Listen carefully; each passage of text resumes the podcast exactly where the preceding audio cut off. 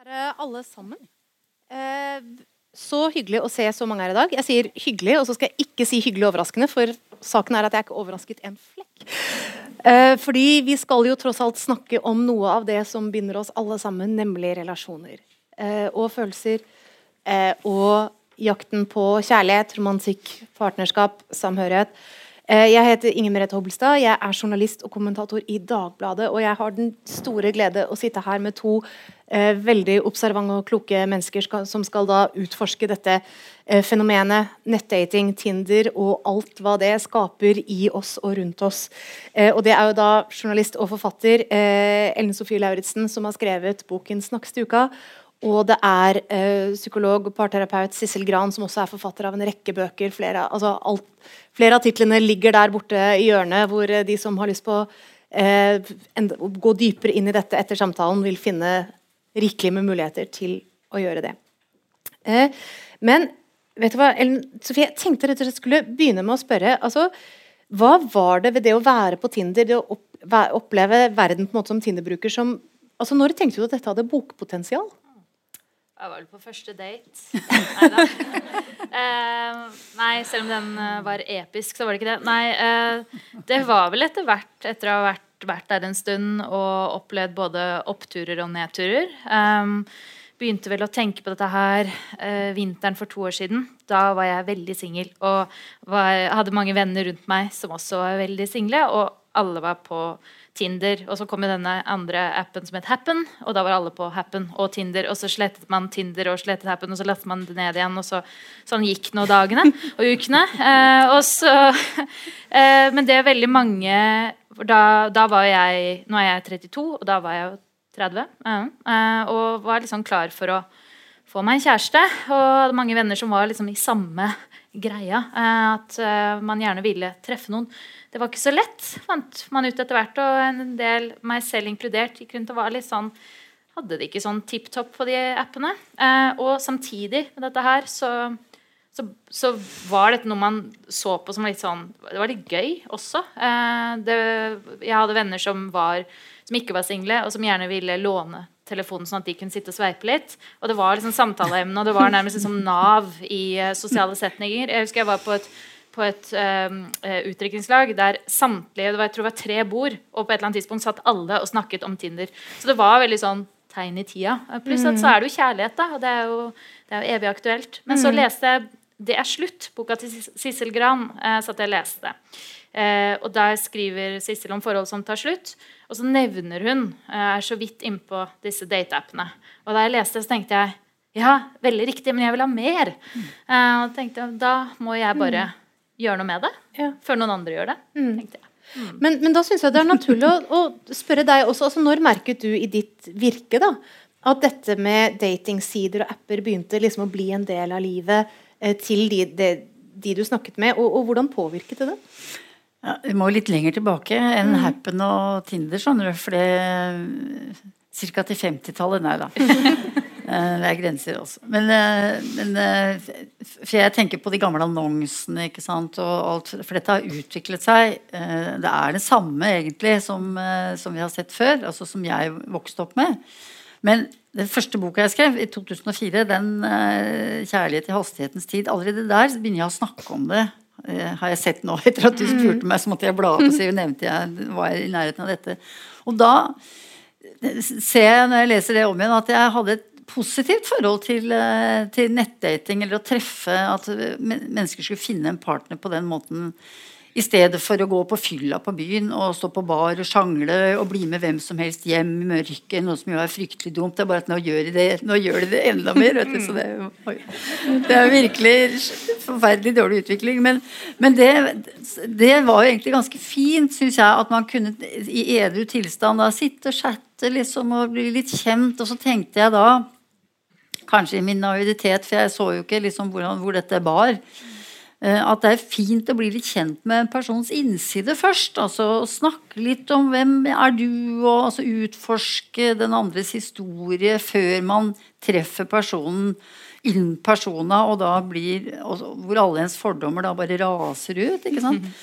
Men samtidig så også Neste boka jeg skrev, i 2007 Da, da, liksom var jeg begynt å bli litt mer skeptisk. fordi da begynte jeg å få historiene om de dårlige matchene, da.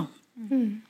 Eh, at eh, man hadde blitt så skuffet. Man hadde chattet og holdt på lenge, og folk reiste jo fra Oslo til Bergen for å treffe en kar her som de aldri før hadde møtt, og overtatt, som skulle overnatte og hadde lidenskapelig med et helt ukjent menneske som han hadde fått så inderlig nært forhold til gjennom nettet. ikke sant? Skriveforelska, kaller man det. Skriveforelska! Takk skal du ha! Ja.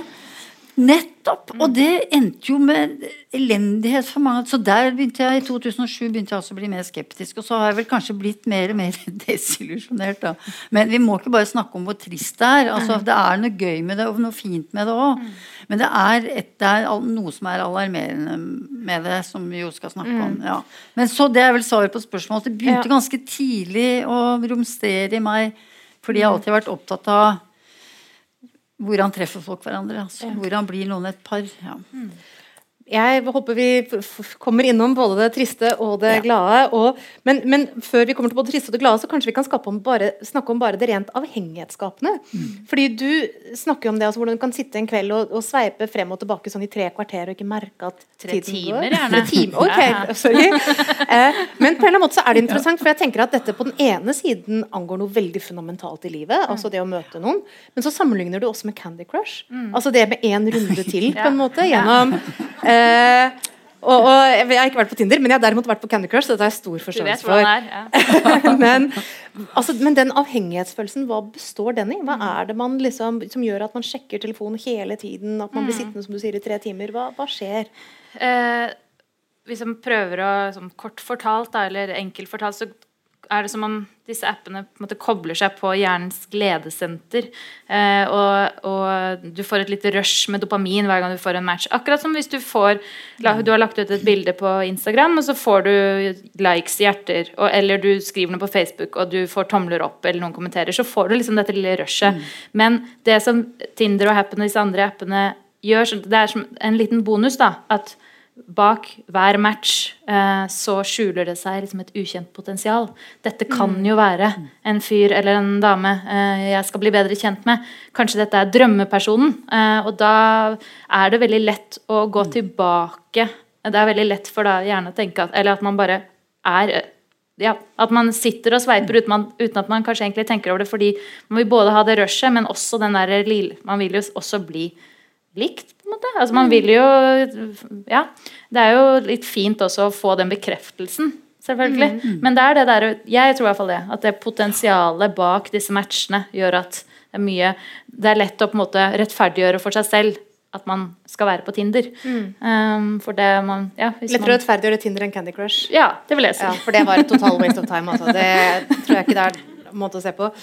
Men, men noe jeg også synes er interessant, det er at du etter hvert skriver at du syns det er lettere å avgjøre hva du ikke vil ha, ja, enn hva du vil ha.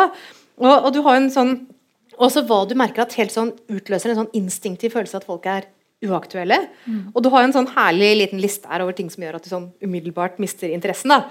La meg se. Eh, de inkluderer posering med gevær, posering med afrikanske barn, posering med caps, eh, posering i baderomslys, folk som skriver at de har gått på livets skole.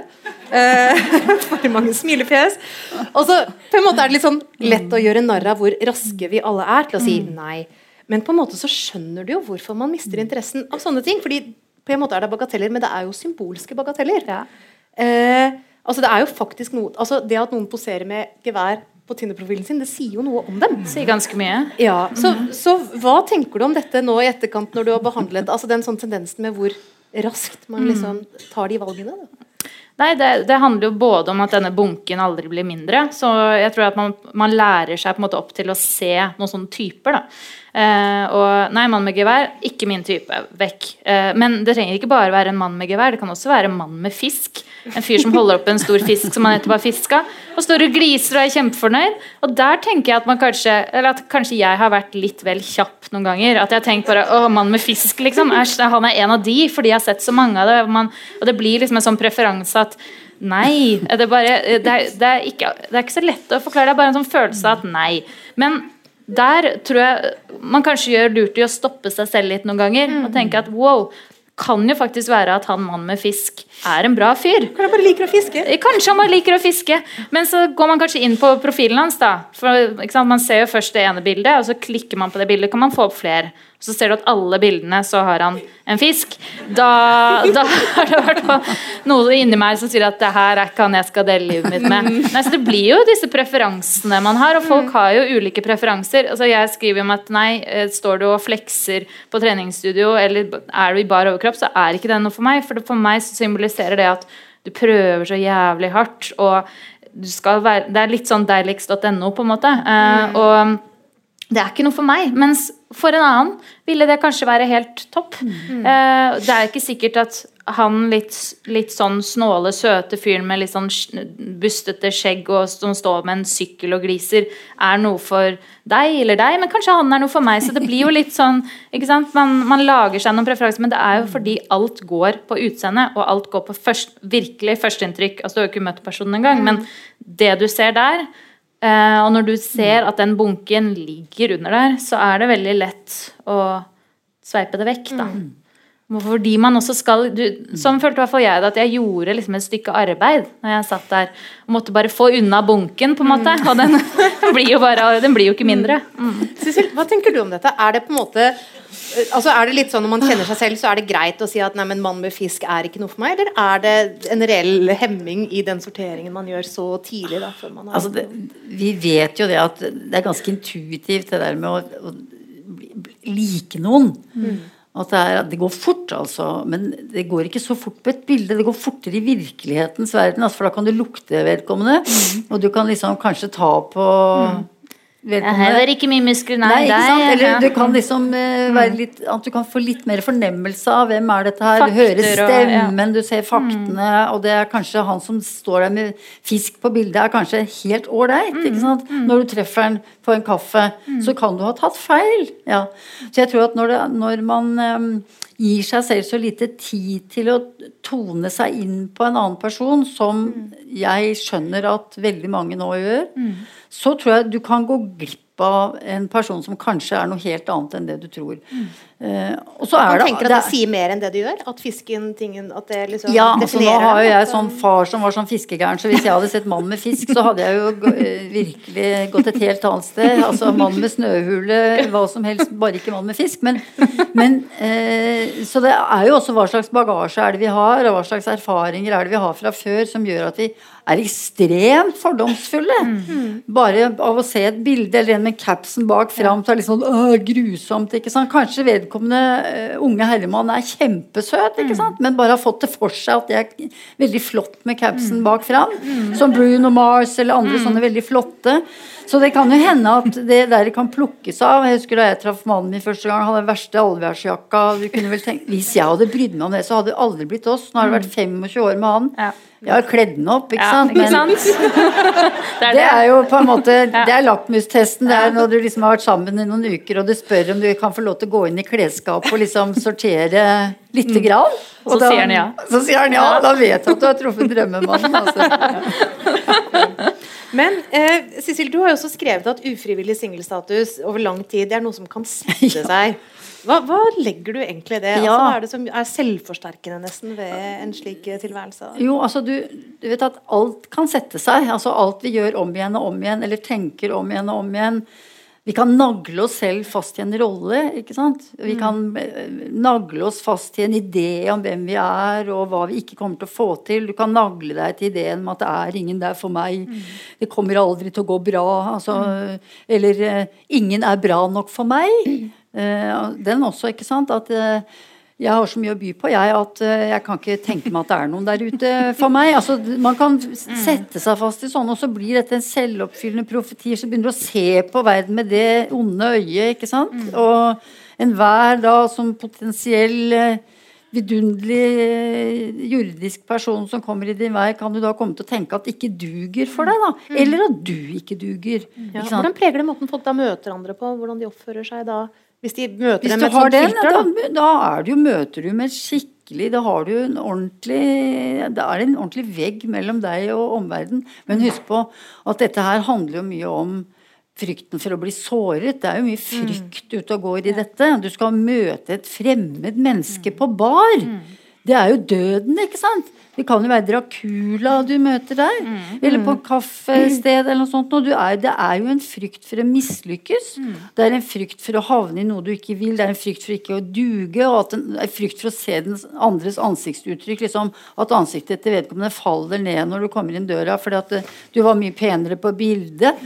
Og det er jo masse Det er jo spente nerver i dette. Og derfor tror jeg man blir både forbeholden og, og, og det er trygt å bare sitte hjemme. For veldig mange unge jeg snakker med, som jeg sier men du må jo møte vedkommende. Å nei! Det er, for, det er, et for stort skritt. Mm. Ja, men herregud, sier jeg, skal du bare sitte der og snakke på telefon eller chatte? Skal du ikke treffe vedkommende?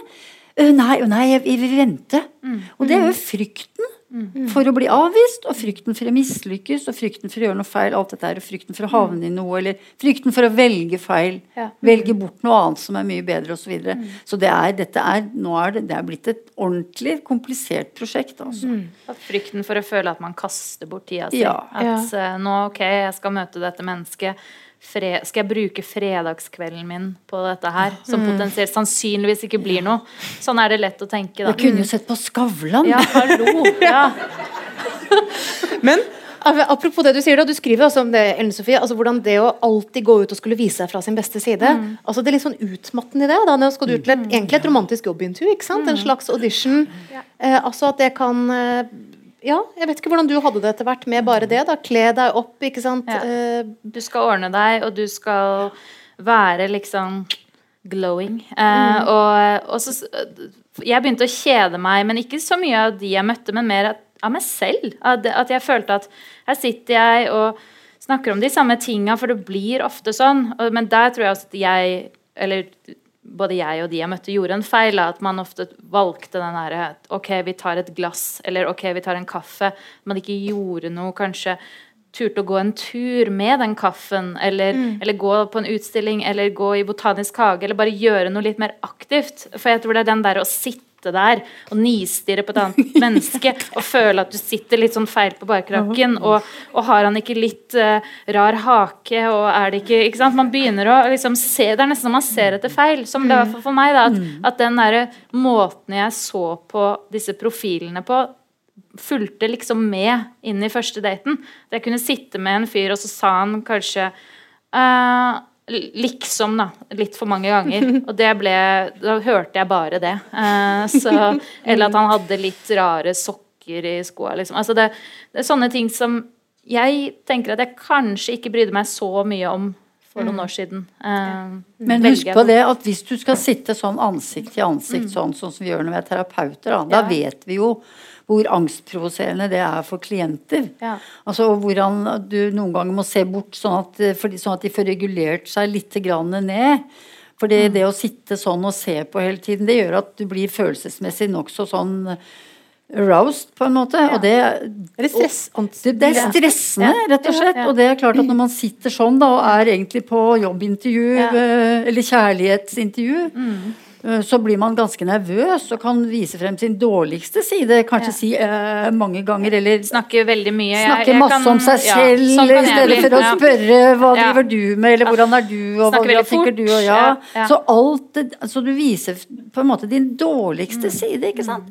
Og så, og så dermed så kan du jo sitte og svette, og så kan du og så sitter kanskje du og tenker at det, han var jo ikke noe. Så Nei, ville han hvis du hadde gått, liksom. ja, gått tur med så hadde det kanskje vært helt ålreit. Mm. For da kan man se rett frem. Mm. Og så kan man gløtte litt på den andre, så kan man se rett frem, så kan man se ned i bakken, så kan man mm. peke på en fugl. Mm. Og det er veldig mye mer avslappende, og da får ja. du også vist deg fra Og da kan du kanskje også si at det er en gjøk, og det er en sissik, ikke sant? At du har noe kompetanse. Ja, og så kan han bli imponert, og så, ikke sant?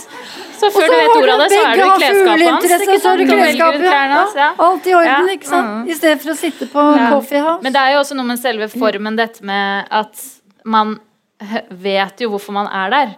Ikke sant? Vi har matcha, vi har skrevet litt fram og tilbake, og alt har vært litt sånn lett og greit. Og plutselig ja, ja, skal, blir det den ølen? Ja, ja, vi tar den ølen. Og så sitter man der begge to og vet at vi er her pga. den appen, vi. Og fordi vi skal finne ut om mm. dette er noe. Men de datene jeg har vært på hvor det har, vært liksom, hvor det har blitt litt mer avslappet etter hvert, har jo vært når vi har begynt å snakke om Tinder. Altså, mm. liksom, det er jo det som ja, det er jo på en måte den rosa elefanten. da. At mm. man, man, skal liksom ikke snakke om det, men, men, når man først begynner å utveksle litt sånn erfaringer og sånn, det er jo da samtalen For da har man, da har man det til felles. Mm. Uh, ja. Men fri, altså, altså tenk litt på fordi disse sidene og sånn altså, På en måte kan du si at de viser at man har ting til felles, ikke sant? Man det og det, men de, de kan jo ikke si noe om kjemi. Nei.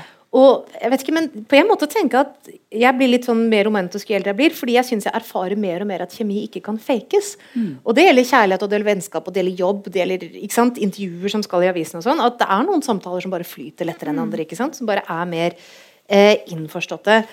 Eh, men noen ganger når jeg leser disse historiene, så føler jeg at det er historier som nesten gjør det vanskeligere for det å komme mm. frem, fordi de såpass, har en såpass spent ramme rundt seg. Mm. Eh, så altså, Det er egentlig en vei inn i spørsmålet. altså Kjemi, gnist, er det noe organisk som oppstår uansett, eller er det noe man kan høyne sjansen for, eller minske sjansen for, ut fra hva slags ramme da, man har rundt møtet? Jeg tror at du kan høyne sjansen for det. Tror, ja. altså, selv om mye forskning og evolusjonspsykologisk forskning viser jo at det er, liksom, det, det er sånn. Det er enten-eller. Mm. Det er med mange modifikasjoner. Mm. Fordi, husk på, Tenk på det, tilbake i ditt liv, så er det mange du har hatt den med, og så har det gått noen uker, og så har det ikke vært særlig sånn lenger. Mm. Altså, så Det som virker så veldig kjemi og så veldig flott uh, der og da, kan og For ikke å snakke om etter tre år, mm. eller første barnet, så er det ikke sånn lenger i det hele tatt. ikke sant? Ja. Så mens Appetitten kan noen ganger komme mens du spiser, altså. Og det så, Sånn er det. det. Og jeg tenker på alle de klientene jeg har hatt, så mye ufordragelige folk.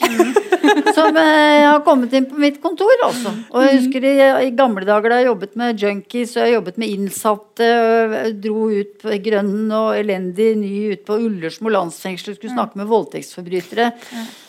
Det var jo ikke akkurat favorittprosjektet, men altså det, det, merkelige er etter hvert som liksom så, Du kan lære deg å elske folk, altså lære deg å like folk. Og det, nå er jeg veldig god på det. Lære meg å like folk. altså Jeg liker dem nesten før de kommer inn av døra, uansett hva slags beskaffenhet eller tilstand de er. ikke sant? Og det Sånn syns jeg kan gjøre med folk i arbeidslivet, folk jeg treffer på trikken. altså Det handler jo noe om å gjøre seg litt hva skal vi si, En ting er å gjøre seg tilgjengelig for andre. Mm. For det er det veldig mange som ikke gjør. De gjør seg utilgjengelig for andre. Men du kan gjøre deg litt mer tilgjengelig uten at det er farlig.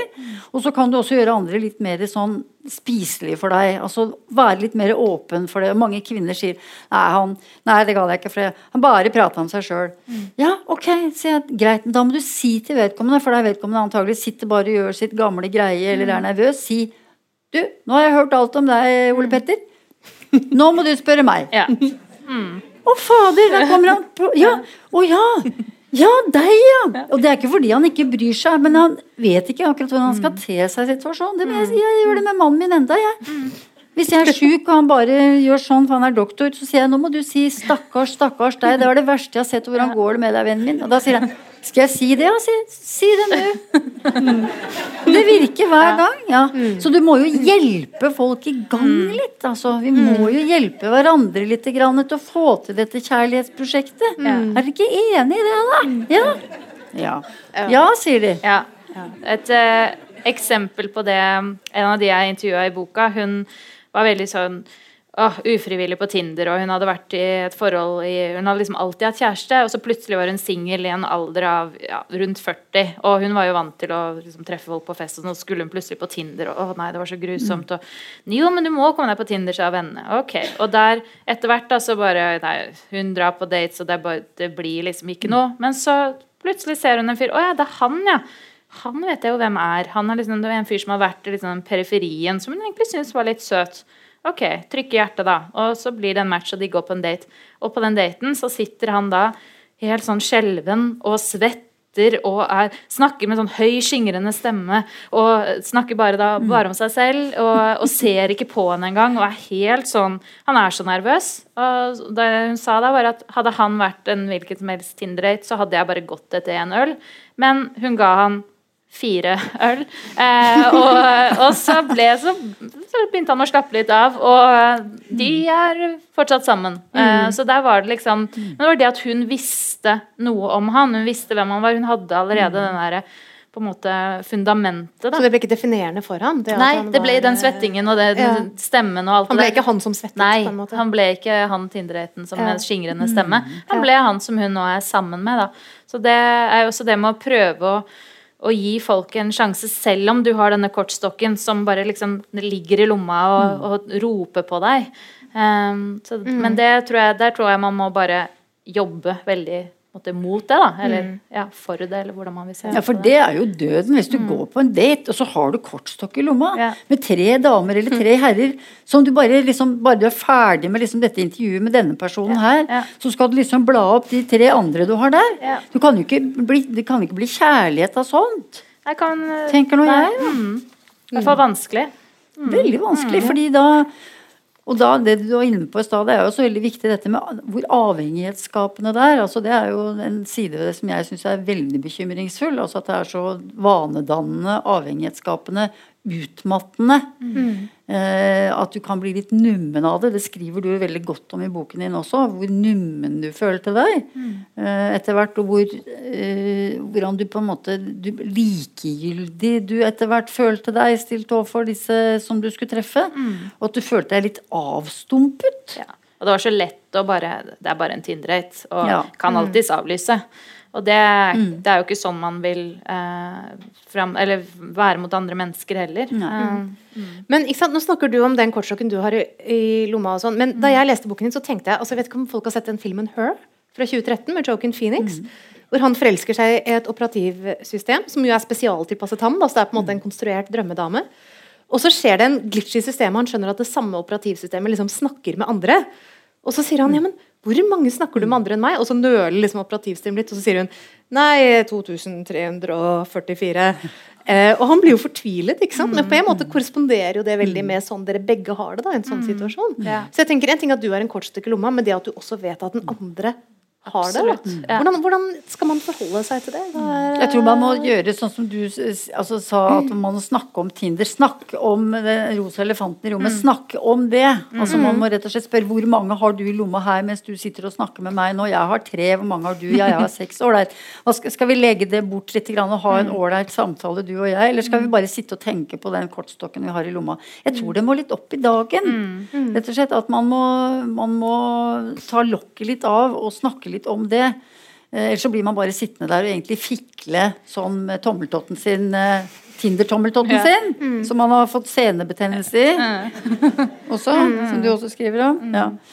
Nei, Ikke jeg, jeg altså. åp- nei, ikke du, nei, du fikk ikke det. Men jeg tror, jeg tror litt på åpenhet rundt Ja. sånne ting. Ja, altså, at, mm. og kanskje litt eh, humor rundt det også, fordi det er jo det er jo en helt merkelig situasjon. Ja, mange går rundt og er veldig usikre. Ja. Eh, De er usikre på er jeg den eneste. Er jeg det eneste operativsystemet? Ja. Eh, ja, hvem blir du sammenlignet med? Jeg hadde en venninne som, som kom for et par måneder siden, og da var hun ganske knust, for hun hadde data endelig liksom møtt en bra fyr på Tinder. Og de hadde i flere måneder, og hun trodde bare var de to, men han hadde jo datet eh, noen andre også, for å liksom sammenligne. Så hun hadde til slutt fått en melding der det sto 'Veldig hyggelig å bli kjent med deg, men eh, jeg datet også en annen og liker henne litt bedre enn deg, men eh, lykke til videre'. Og det var litt sånn Det ble nesten Du fikk nesten jobben, men eh, det ble Innstilt som- innstilt som nummer to. Innstilt som nummer to. Det ble hun. Og det syns hun var ganske jævlig. For hun hadde da tenkt i sin naivitet, som egentlig ikke bør være en naivitet, man tenker jo at å ja, men det er oss. Nå har det gått så mange måneder, jeg har sletta appen. Men man må nesten ta den praten, tror jeg. Eh, og rett og slett bare si OK, hva er det du er ute etter her? Og da tror jeg også man sparer seg selv og den andre for ganske mye bortkasta energi, potensielt. Men hvis det viser seg at begge to er sånn Nei, det, det er jo deg. Å ja, det er jo meg. Ja, men det er jo deg. Da er det jo det topp. Men hvis man da treffer en som syns det egentlig er ganske stas å bare henge med mange, og hvis du selv kjenner at Nei, det er ikke noe for meg, så må det være lov å si OK, da vet jeg det. Takk, men nei takk. Eh, og når vi er inne på da det dessverre uuttømmelige temaet avvisning eh, du skriver jo en del om fenomenet som kalles ghosting. Altså i tilfelle ikke alle kjenner det. Hva, hva er ghosting? Hva er liksom ordbokdefinisjonen på det? Det betyr jo bare forsvinne, rett og slett. Eh, forsvinne fra en relasjon. At du ikke gir lyd fra deg.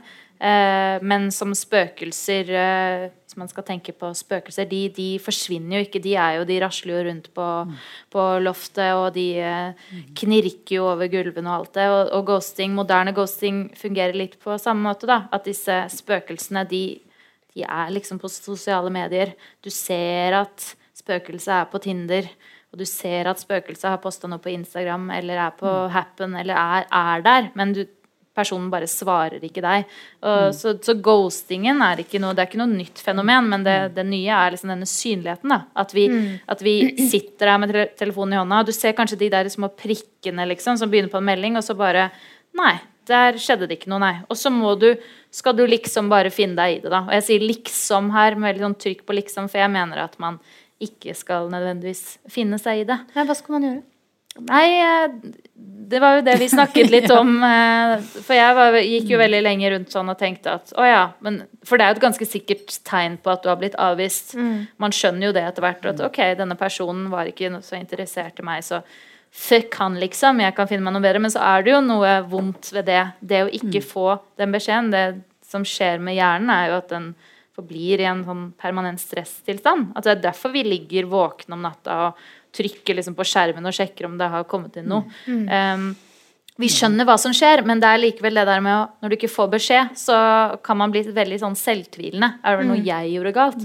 Um, men uh, Det var jo spørsmålet ditt igjen. Ja, hva, man, hva, gjør man gjøre? Ja, hva gjør man? Nei, man, nei, man må bli flinkere til å si fra. Ja. Eh, og bare faktisk si at det her er ikke eh, ålreit behandling. Eh, og jeg tror at den eneste måten å motvirke det på, er at, at man rett og slett sier fra. Eh, og, og det har jeg selv gjort, men jeg har jo også selv ghosta, det skal sies. Um, eh, og det er ikke noe jeg er stolt over. Men, eh, men jeg har også selv da sagt fram det, og følte meg jo bedre etterpå. Selv om, jeg, selv om det ikke ble noe mer med han fyren, for jeg hadde jo ikke han var jo ikke interessert i meg, og jeg var jo ikke interessert i en som ikke var interessert i meg. Så var det bare noe med å liksom sette seg litt sånn, ha litt selvrespekt, da. Og kunne tørre å bare si at du, neste gang så Og så litt med sånn opplæring også. Dette du sa med at Hei, nå, Knut, nå har du bare snakket om deg selv. Nå kan vi snakke Altså den der at Ja. man også må lære folk litt opp på hvordan man uh, oppfører seg mot hverandre på, på disse appene. Eller ikke bare på appene, også for den saks skyld eller òg. Men ja. Um, Sissel, hva tenker du, hva er på en måte forskjellen på å bli avvist gjennom den 'hei, du, hyggelig å møte deg, men dette funker ikke', eller noe, versus at personen bare forsvinner? Hva, hva er forskjellen på de to erfaringene? Nei, det er sånn som Ellen Sofie sier, hvis du ikke får en sånn klar beskjed altså Det kan være vondt nok å bli dumpa, digitalt dumpa. Det er, og hvis du får den mange nok ganger, så kan det begynne å svi seg fast. Og at du, sånn at du begynner å tenke at du faktisk ikke duger, at du ikke er bra nok og sånn. At du kan begynne å få dårlige tanker om, om den du er, så det kan gå veldig utover selvfølelsen din. ikke sant? Men det å ikke, ikke få et svar når man har kanskje hatt kontakt en eh, god stund, ikke bare én gang, men Nei, kanskje nei. over tid, Mm, ikke ja. sant? Og bare så er plutselig den andre helt borte og svarer ikke på meldingene dine og forsvinner bare i tynn luft. Det er angstskapende. Eh, og det, er også, det gjør også at du havner litt på pinebenken. Altså for det Fortsettelsen av det der det handler jo om det er, det er det som du har skrevet om som du kaller for benching. ikke sant? Å sitte på ventebenken, for du blir sittende i en ventemodus, både i en sånn stress, altså en sånn sustained arousal-tilstand, og i en sånn ventemodus. Og da er vi inne på mitt favorittema, det romantiske hektet. ikke sant? Hvor du ø, venter på en pellet, akkurat som rotta i buret. Og, hvis du, fordi, og det er ingenting som er så avhengighetsskapende og stressende som å få en positiv sånn liten pellet eller en sånn slags belønning med ujevne mellomrom. Altså at, fordi det kan hende ikke sant, at den som forsvant, plutselig sender deg en liten melding. 'Hei, jeg sitter her på Litteraturhuset i Bergen og tar en eh, kaffe.' og vi hadde det jo veldig bort? Koselig. Dere komme bort og ta en kaffe eller en te eller et glass vin. Det var jo veldig hyggelig det vi hadde, og kanskje vi hadde mer å snakke om. Wow, de, de er nok mer, mindre artikulert enn som så, men ja. Eller eh, hei! halla, Halla, er du ja. våken? Er du Er nok våken, ja? litt mer på det. Halla, ja. Ålreit, da. Jeg er litt eldre. Det er greit. Det er helt greit. Det er, det er alderen som mm. gir meg et lite handikap her. Fordi på en måte kan du jo si at den som bare forsvinner, skyver jo alt over på den andre. Det er jo den Ja. andre som blir sittende og lese gjennom meldingen de sendte sist, og var det for påtrengende, eller var det for Ble jeg for mye? eh, Ja. Ja. Og at man blir sittende med det ansvaret sånn Skal jeg sende en, en ny melding nå? Hva skjer da? Hvordan vil personen oppfatte meg da? Skal jeg bare på en måte akseptere at jeg blir ghosta? Og skal jeg bare la det skje? Og så skal jeg liksom og så skal jeg se personen hjemme på gata i Bergen eller Oslo, og hva skal jeg gjøre da? Skal jeg bare se nede i mobilen min? Jeg gjør det, jeg. Og så blir man liksom Ja, du selv får det. Du får det ansvaret, og det, Det blir skam. jeg- Det du snakker om nå, er skam. Det er skamfølelse. Altså, du skammer deg over å ha blitt dumpa på den måten. Og så skammer du deg ved tanken på at du kanskje skulle sende en melding til, eller be om en forklaring. Uh, Og, og, den, og sånn skamfølelse er veldig vanskelig å bli kvitt. Altså Den eneste måten å bli, få vaske det av seg noen ganger, det er å sende en melding og si jeg syns det var utrolig dårlig gjort av deg. Jeg trodde vi hadde en hyggelig greie på gang. Jeg skjønner at du ikke er interessert. og Jeg vil bare at du skal gi meg en klar melding eh, eh, om du er interessert i en videre kontakt med meg eller ikke.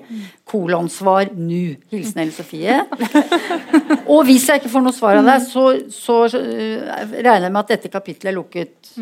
For Vennlig- alltid. For alltid. Vennlig- Med vennlig hilsen. Med vennlig hilsen. Ja. Men du, jeg fikk så lyst til å ta tak i noe du sa der. For det du sa umiddelbart, det var at du spør deg selv ble jeg for mye. Og det virker som også er et gjennomgangstema. Den der angsten for å være påtrengende, på å dytte seg selv på den andre.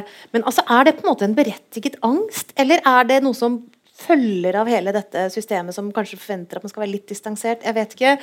Er, det en klok ting å tenke? Altså det at man skal vokse for å bli for mye? Eller? er De gamle kurtisanene sa jo alltid det. Ja. At de skulle liksom være Hva het det i gamle dager, da? Du skulle gjøre det litt kostbar, het det i gamle dager. Og du skulle liksom ikke Du skulle liksom tripp, tripp, tripp, tripp, tripp, tripp. Og du skulle liksom ikke si ja med en gang, og du skulle liksom være litt forbeholden og gjøre det litt sånn Tredagersregelen. ikke Tredagersregelen etter hvert, da. Men før var det enda mer enn det. Da tror jeg det var uker eller måneder. Vente tre uker før du svarer på det Ja, brevet. å, Mm. det var så voldsomt. Så det er litt det samme, tror jeg nå. Altså, og særlig tror jeg det gjelder for kvinner å ikke virke for ivrig. Fordi det er fortsatt sånn vet du, 2017 at kvinner ikke skal erobre, men liksom ha litt den hm, Vi sitter pent og vente. Og det passer ikke så godt. Men, men jeg tror nok at veldig mange jenter og unge kvinner og voksne og eldre kvinner er kjemperedde for å virke overveldende. Eh, og, og påtrengende og slitsomme og krevende og, og needy og alt sånt ekkelt. Sånn at de overtilpasser seg altfor mye i stedet for å liksom si, si det som det er. Og det, det, så det er veldig, og det er veldig uheldig, tenker jeg, fordi at det får jo mange til å holde på å overtilpasse seg altfor lenge. Ja. Og det er ikke sunt. Nei. Helt uavhengig av alder. Og så blir man da ghosta, så skjønner man at her satt jeg og overtilpassa meg, og så Ja. får man den i Ja. fleisen, liksom. Ja. Men, også, samtidig, men samtidig så skal man jo helst ikke kanskje fri på andre date. På en måte. Nei, altså, hvor- hvorfor ikke? Man, Ja, ja, eller, Hvis man har god kjemi, så nei da. Nei, men det er noe med å bare liksom Du trenger ikke å begynne å snakke om Men hvordan skal man balansere barnehageplass. ja, hvordan skal man balansere det der, da? For det er jo ikke så enkelt som å være tydelig heller. For man kan jo bli litt for tydelig. Litt for Ja. Det kan man jo, men du kan jo godt hvis du Altså, det vet jeg noen gjør. Noen 35 år gamle kvinner vet jeg gjør, og jeg har sagt til dem bare gjør det.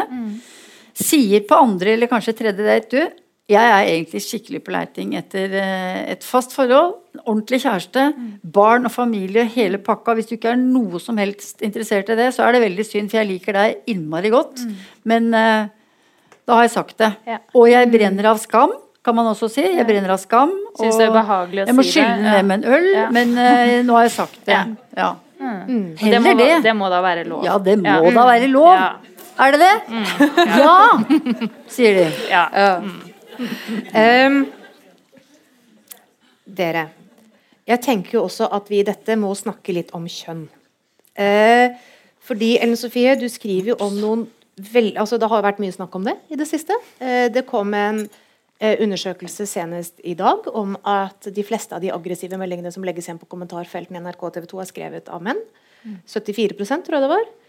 Eh, og du skriver jo om de veldig aggressive meldingene du kan få fra menn, og, og jenter på Tinder kan få fra menn. Altså En ting er etter å ha avvist dem, men om du ikke har svart i løpet av liksom 20 minutter, eh, så kan det komme ganske harde meldinger tilbake. Og dette er en ganske vanlig erfaring, viser det seg. Eh, og dette blir jo kanskje altså, nå, på en måte Kanskje forventer jeg et liksom mer trygt svar enn noen av oss kan ha om dette, men, men hva tenker du om hvor den aggressiviteten kommer fra? Mm. Det er jo ganske komplekst, da. Men uh, en god del av dette her handler vel også om at man ikke, At man har blitt avvist, kanskje. Igjen og igjen og igjen. Mm. Eh, og man blir eh, såra. Og så istedenfor å gå inn, inn, i seg selv Jeg skal være veldig forsiktig med hva man sier her, men det er jo Særlig disse jeg, jeg, var, Grunnen til at jeg begynte å tenke Eller begynte å skrive om det, var også at jeg um, begynte å følge en Instagram-konto, en amerikansk Instagram-konto by Felipe, hvor, du, hvor, rett og slett hele kontoen er masse screenshots som damer sender inn, eh, hvor menn har vært veldig aggressive. Og der er det det er helt ekstremt.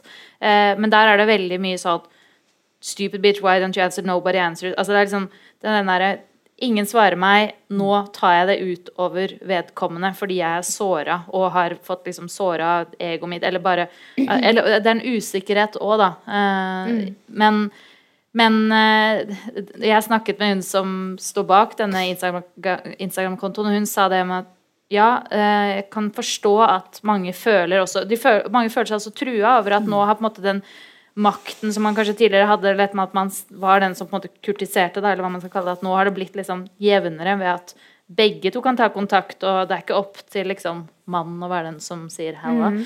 Um, men, men at da må de komme med noe mer enn bare halla. ikke sant? Du kan ikke tro at du skal få svar hvis alt det du sier, er liksom mm. Hei, sexy. Uh, så, men, eh, men jeg tror det er veldig komplekst. Jeg vet ikke, Sissel, du har sikkert noe mer sånn eh, jo, psykologisk Det er jo forferdelig trist, mm. det der, altså. Mm. Um, og det er nok det er nok riktig, altså, som du sier, at veldig mange av de som kommer med veldig raske, aggressive sånne utfall, de har opplevd mange avvisninger. Eller opplevd ikke å få svar i det hele tatt. Og har kanskje veldig dårlig erfaring med det. Og er kanskje veldig enten veldig eksplosiv av seg. Det er jo noen som er veldig sinna av seg ikke sant? og ikke tåler uh, et nei, eller ikke tåler ikke få et svar. Mens det er nok mye sårbarhet i det der. Og en mm. sånn ja, man vil, altså krenkethet. og Noen har et veldig sånn krenkbart gen, da, for, å, for å si det sånn. Og det å bli veldig fornærmet veldig fort. Men så er det jo også sånn at det er veldig mange menn som ikke får seg kjæreste. Mm. Det er veldig mange som ikke får seg kjæreste, som ikke får seg familie, som ikke får seg barn. altså Hvis vi sammenligner med liksom tilbake i tid og min tid da jeg var ung, og sånn, da var det liksom 14 eller nå er det 25% av alle 45-årige menn har ikke partner og familie og barn. Og det er ufrivillig single. Ja, er ufrivillig mm. single, veldig mange av dem. ikke sant? Og, det og spørsmålet er hva handler det om? Og det mm, Statistisk sentralbyrå sier at veldig mange av de mennene har lite utdannelse og er på en måte ikke veldig attraktive av den grunn osv. Og, så og så blir de mennene veldig sinte og sier at det, norske kvinner er blitt så kravstore, og damer er noe dritt. og ja. Det, det gjør det ikke noe bedre, da. Mm. Og jeg tenker jo i min enfold at det er jo en der for alle, egentlig. Altså, det er jo Egentlig burde jo alle få en sjanse, men her har noe gått helt galt, altså. Mm. Her er det en eller annen mismatch ja. som jeg tror kommer ut. Også på den måten, med fortvilelse, skam og sinne og sånn udugelighetsfølelse. Men det blir seende veldig dårlig ut, altså. Mm. Og at man er forutinntatt også. altså Hvis man har opplevd dette her igjen og igjen. og så mm f.eks. en sånn meldingsutveksling med en, en, som skriver til en dame, en amerikaner, ja, som bare hey, hey, gorgeous, you look great, my name is James, how are you? Og så Hello, liksom, så går det noen minutter, og så Stupid cunt, I wish you could rot in hell. Altså, og da har hun bare sittet og kjørt bil, så hun har ikke hatt tid til å svare, liksom. I'm driving, but thank, no thanks, eller noe sånt svarer hun da. Så det er den derre Bare gi det litt grann tid. Uh, så der var et tenker jeg at det må ha vært en sånn slags forutinntatthet at man tenker mm. på at hun her nok en, nok en som ikke svarer, ergo sånn og sånn. Mm. Ja, men det, jo, det, går jo antageligvis rett inn i han, da. ikke sant? Ja. At jeg eh, får aldri snøre i bånd, som var et uttrykk jeg brukte i gamle dager, da. Mm. Eh, mm. Sånn liksom, og det Ja, da. Mm. Og det Og det er, fortsatt så er det jo det veldig aktuelt, ikke sant. Men det er jo no, det er et eller annet eh, Et eller annet trist ved det. Altså, og jeg tror at denne typen eh, Denne måten å forsøke å finne kjæreste på går ikke så bra for akkurat den gruppa menn. Fordi eh, de er kanskje ikke så kjempegode på å kommunisere på den måten som kvinner, moderne, unge kvinner i dag liker. Og så blir det en total mismatch, altså. Så hvor kan de finne seg noen? Det er det jeg tenker mye på om dagen. Hvor skal, Ja. hvor skal vi, hvordan i all verden kan vi få dreis på det der igjen? Altså? Men, men hva har du tenkt? Hvem skal lære dem ikke å skrive 'halla sexy'? som Det er mora deres, da. Ja. Her er det Eller faren, ja! Faren. Altså det er noe med de er, Det er dårlig oppdragelse her, da. Ja. det er lite kompetanse rundt hvordan skal du te deg overfor er kvinner, da. Ja. Ja, altså, men det er også sjenanse i det, må du huske. At det er veldig sånn eh, sjenanse med hensyn til hvordan presentere seg og legge seg sjøl på bordet, og hvordan skal du henvende deg overfor da dette det skumle annet kjønn. Eh, Hva gjør man, og hva sier man? Det er sjenanse og inkompetanse, rett og slett. Ja. Og man er litt ukyndig i det. I gamle dager så fikk de, var det sånn, fikk man lære det på Svas danseskole, men det fins jo ikke lenger. By, by kvinnen opp. Ja. Danseskoler tilbake Mm. Der er jo slutt på alt. Ja, men jeg tenker også en, en side av samme sak, slik jeg ser det, da, er jo også at det på en måte er lov å gjøre narr av menn i større grad enn det er lov å gjøre narr av kvinner. Eh, og jeg tenkte faktisk det da jeg leste listen hvor vi innom i sted, sånn umiddelbare turnoffs. ikke sant? Mann med gevær, mann med fisk, mann med caps. Eh, altså, på en måte kan du si, Tenk om vi hadde vært menn som hadde sittet her og snakket om ja, du vet, dame med katt. Dame med dame det. Og det Dame med sal- bunad. Dame Damer med som bunad. s- hopper på fjell. Ja. Og det hadde vært en sal med over 50% menn som hadde sittet og ledd av det. Det ville blitt oppfattet som mye mer problematisk.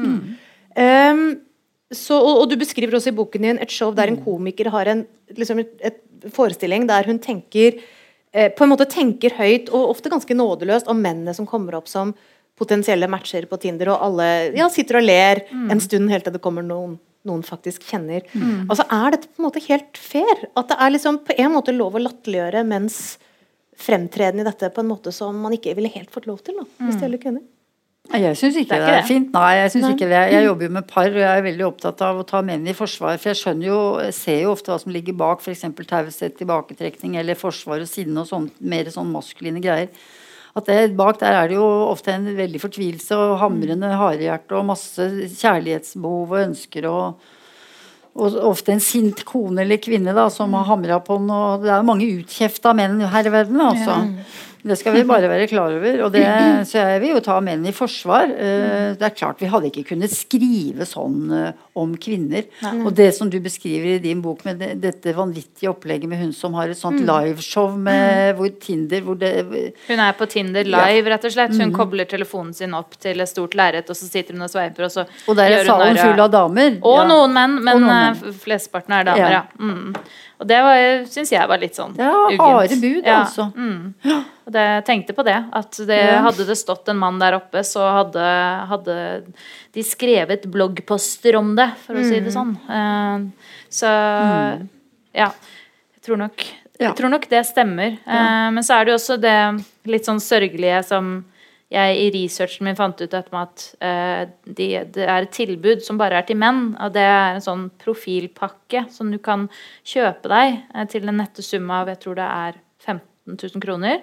Så eh, får du eh, slags eh, en, en helg med fotoshoot hvor du blir tatt bilde av eh, i ulike sånn på kafé og ute og går tur i parken og litt sånn forskjellig. Og så tar, tar man da mellom 500 til 1000 bilder, og så er det til slutt et sånt jentepanel, eh, som de kaller det, som velger ut liksom, de fem beste bildene. Og dette er bare for menn. Det fins ikke noe sånn for damer. Uh, altså jeg synes det er litt sånn det, Både litt sånn trist og fælt. Um, Og så sier det en del, da. Altså, hvor, eller hvorfor har ikke vi dette tilbudet? Og det, jeg spurte noen eh, kompiser av meg om Ja, men vi, ja, men vi sveiper jo til eh, Herregud, nei, jeg glemte det. Er det høyre eller venstre? Altså, vi trykker jo hjertet på alle. Sier, eh, det jeg snakket med flere kompiser som mener at de er, nei, vi sveiper helt ukritisk. Vi bare trykker hjertet helt til vi får en match. Og der tror jeg også det er en forskjell. da At kanskje kvinner er litt mer sånn selektive og ser på ser Men en skyter med pumpehagle, liksom. Ja. Mens, eh, ja, ja. ja. Hvor mange matcher kan jeg få på en kveld? Ja. Ja. Um, en annen side av saken er at egentlig så er jo altså Samtidig som vi snakker om avvisning og, og det sårede, og alt dette her, så er egentlig hele det systemet basert på en utrolig tillit. Eh, altså Man drar jo for å møte folk vilt fremmede, og i mange tilfeller så drar man jo ganske uten å nøle hjem Å ja. Ja. til fremmede mennesker.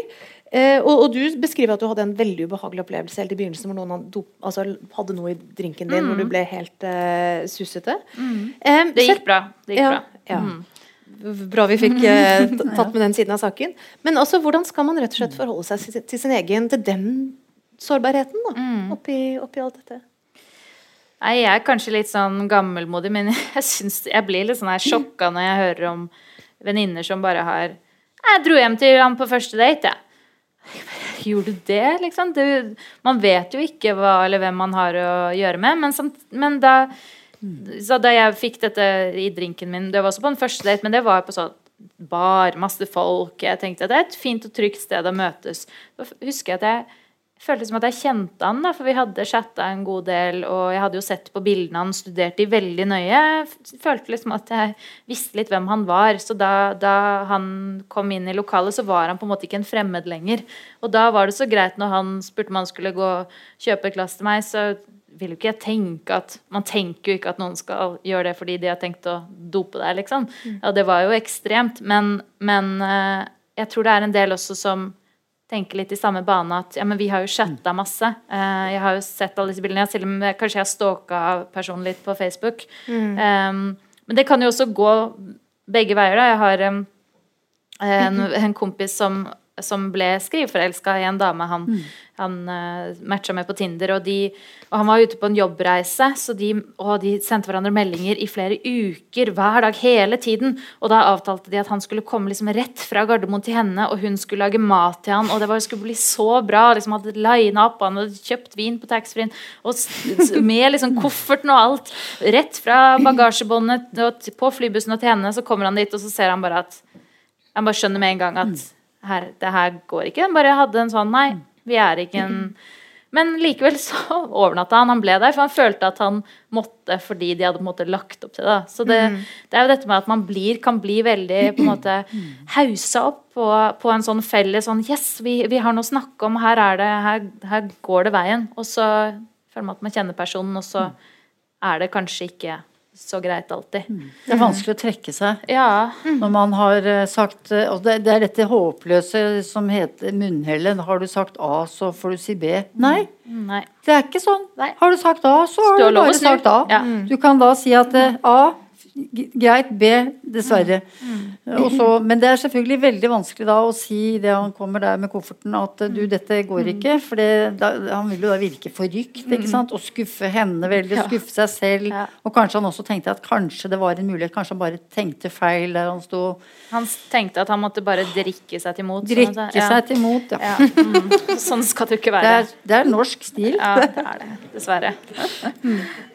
Men altså, nå har vi jo snakket veldig mye om utfordringene og skuffelsene og, og avvisningene og alt det der. Men altså, det er jo mange som har opplevd at dette var jo det som brakte dem mm. noe av det viktigste eh, i livet deres. Så kan vi ikke jeg, altså jeg vet ikke bare som en sånn sammenligning før det at dette har kommet som et tilskudd inn i kjærlighetslivet til de som er villige til å bli en del av det. Altså, hva er de, altså, hva er de positive sidene med det, da? For å si Det det er jo strålende fint, at, mm. men det, da må du stoppe opp et sted. ikke sant? For noen så er det jo sånn veldig der. Ja. Men det er bare 11 eh, som blir forelsket ved første blikk, altså. Det er, eller mellom 10 og 11 De øvrige, ca. 90, må arbeide seg inn i følelsen. Eh, starter ofte som et vennskapsforhold, et kollegaforhold.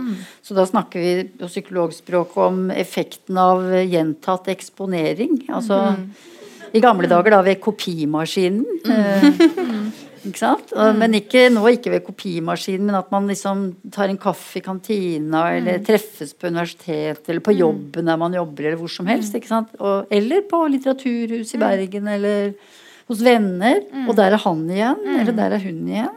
Og det er jo hun Bente. Og plutselig så skjer det noe veldig veldig rart. ikke sant? Kanskje hvis du har truffet denne personen på Tinder eller Happen flere ganger, og du har ikke tenkt at det liksom var så veldig Hjertet gjorde ikke noe sånn veldig hopp, men plutselig så skjer det samme rare. altså Når du har sett personen mange ganger, og særlig hvis du ser personen litt på avstand, står der og bestiller seg et eller annet, eller gjør noe, eller snakker med en venn, og du ser plutselig Bente Jøss, yes, fantastisk søt eh, hun var, eller han Bjarne. Og var jo virkelig noe godt ved han allikevel. Altså. Mm. Så det, dette med det gjentatte eksponeringen, det har Se personen in action også, ikke bare action, sittende. Ikke bare mm. sitte sånn, men altså mm. gjøre noe, ikke sant. Mm. Ja, og det, det, det, er et fenomen som er sterkt undervurdert. For vi tror at vi er så raske til å ta en riktig vurdering. Vi er veldig raske til å ta feil vurderinger. Mm. Helt feil vurderinger. Ja. Så nei, akkurat. Så gi det en sjanse. Ja. Mm. Og, og det er det mange. Gi det en sjanse mm. til, og en sjanse til, kanskje. Mm. Og det er det mange har gjort, som mm. har truffet noen på den måten og funnet seg en skikkelig hjertens kjær. Altså. Ja. Mm. Og så går det selvfølgelig etter da første sødme, så treffer, inntreffer alltid forfallspunktet. Ja. Hvor du plutselig liksom uh, rykker til og tenker at han var kanskje ikke den jeg trodde allikevel, eller hun var uh, ikke akkurat så fantastisk. Så hvis man greier å komme over forfallspunktet, som er en sånn sannhetsprøve tidlig i et forhold, mm. at den andre på en måte er et jordisk menneske allikevel, så kan man begynne å snakke om at det kan starte en sånn gryende tilknytning, hvor du begynner å oppleve den andre som noe mer enn en interessant fremmed, men som kanskje kan bli ditt trygge sted. Og da er vi inne på det romantiske prosjektet. Og da kommer det, vet du. Ja. Det er da man spør ja. Skal vi slette appen? Skal vi slette appen? og så gjør vi det samtidig. Og så lever vi lykkelig alle år i dag. Alle år i dag. Ja. Mm. Vet du hva, Ellen Sofie, det sa du akkurat idet langviseren eh, gikk over eh, klokken åtte her, og jeg syns det var en så fin punchline eh, for denne kvelden. Så da lurer jeg på om vi skal si at vi håper at dere har fått ting å tenke på, ikke minst snakke om, som jeg mhm. tror og håper at mange kommer til å gjøre på vei ut herfra. Eh, og så skal jeg bare si tusen takk til mitt eminente panel. Takk til Sissel Gran, takk til Ellen Sofie Lauritzen. Tusen takk til dere alle sammen. Takk.